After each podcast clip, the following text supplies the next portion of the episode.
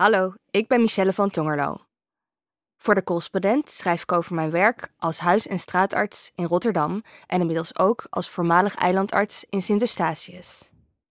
In deze column beschrijf ik hoe het best even schrikken was om weer te gaan werken in de Nederlandse gezondheidszorg, dat helemaal in het teken staat van corona, nadat ik net een jaar als eilandarts in Sint-Eustatius had gewerkt, waar het veel over de persoonlijke relatie draait.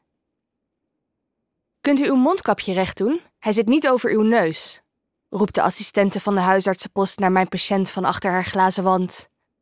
Hij hapt naar lucht in de wachtkamer, voorovergebogen, terwijl zijn handen zijn kin ondersteunen. Hoor ik dit goed? Sommeert de assistente een zieke man zijn mondkapje recht te doen in plaats van hem hulp te verlenen? Natuurlijk heeft hij zijn mondkapje niet op. Hij krijgt nauwelijks lucht. Als ik hem gebaar naar me toe te komen, lukt dat niet meer. Ik trek hem overeind en begeleid hem de onderzoekskamer in. Hij is grauw en bezweet. Als ik naar zijn longen luister, stort hij in elkaar op de grond. Terwijl we hem op een brancard slepen, blijft zijn telefoon gaan. Familie waarschijnlijk, want die mogen niet mee naar binnen. Ze wachten ongerust op een parkeerplaats naast het ziekenhuis. De telefoon is niet belangrijk, werpt mijn assistent hem toe als ze ziet dat hij met paniek in zijn ogen zijn telefoon probeert te zoeken. Dat komt later wel.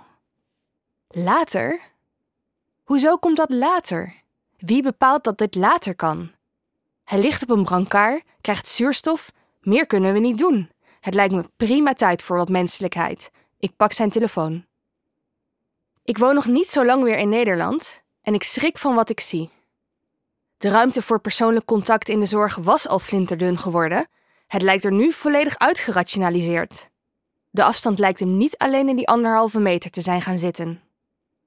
Zijn zorgverleners door een superheldstatus hun menselijkheid verloren? Eind 2019 verliet ik Nederland om te gaan werken als eilandarts in Sint-Eustatius. Werken in de zorg in Nederland was me gaan tegenstaan. Mede onder invloed van marktwerking nam zowel de werkdruk als de verkilling in de spreekkamer jaarlijks toe. Tegelijkertijd, of juist daardoor, werden mijn patiënten ongeduldiger, gingen meer eisen, terwijl ik voor mijn gevoel minder kon bieden. Het was een combinatie waar niemand echt gelukkig van werd. Sint Eustatius bleek andere koek. De kleinschaligheid van het eiland, er wonen naar schatting 3200 mensen, maakte het onmogelijk afstand tot mijn patiënten te houden. Die waren namelijk ook de lerares van mijn dochter, de loodgieter die mijn wasmachine net had gerepareerd, of die man uit de bar aan wie ik na drie rumcola's toch mijn privénummer gaf. Binnen no time circuleerde dat dan ook over het eiland en werd er gebruik van gemaakt. Toen we een nieuwe Nederlandse ziekenhuisdirecteur kregen, was een van de eerste dingen die hij zei dat ik dit moest afschermen. Het was niet professioneel. Ik snap zijn standpunt vanuit Nederlands perspectief, maar Stacia leerde mij een nieuwe definitie van vakkundigheid kennen. De inwoners zijn veroordeeld tot elkaar op 22 vierkante kilometer en vaak verwant binnen dezelfde of enkele generaties terug. De onderlinge betrokkenheid is groot. Als een patiënt wordt opgenomen, staan er binnen 10 minuten soms tientallen mensen voor de deur van het ziekenhuis. Met familie die vaak ook in het ziekenhuis werkt, valt de scheidslijn tussen privé en professioneel deels weg. Ook met mij gingen mensen zich bemoeien. In het begin trok ik dat slecht, voelde me bekeken en bekritiseerd. Maar na een tijdje ging ik het anders zien. Die betrokkenheid deed meer voor de patiënt dan ik in mijn eentje kon betekenen. Ik leerde erin ontspannen, voelde de liefde.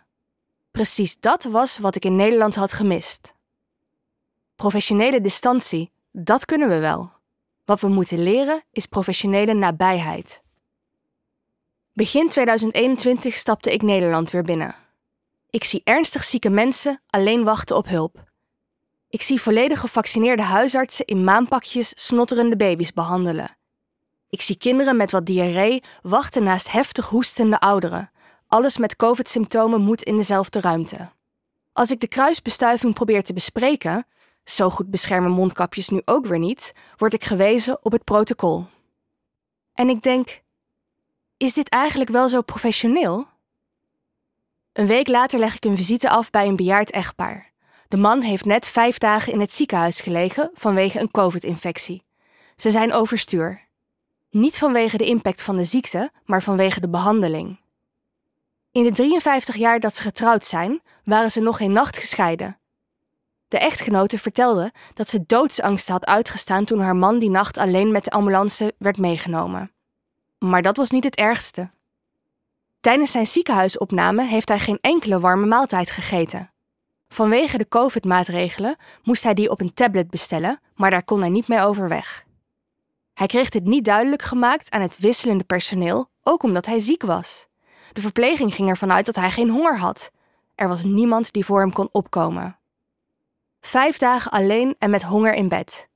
Dat is een enorm geweld dat we deze zieke man hebben aangedaan, omdat besloten is dat deze restricties nodig zijn. Later die avond werk ik weer op de huisartsenpost en leg ik een spoedvisite af bij een jonge vrouw van 19 jaar. Ze is ernstig ziek. Ze ademt hartstikke snel en ik ben bang dat ze bloedpropjes in haar longen heeft, maar geen ziekenhuis wil haar opnemen. Steeds weer hoor ik een andere reden. De vrouw kan niet komen omdat ze niet bekend is bij een specialist. Ze kan niet komen omdat ze te ver van het ziekenhuis woont.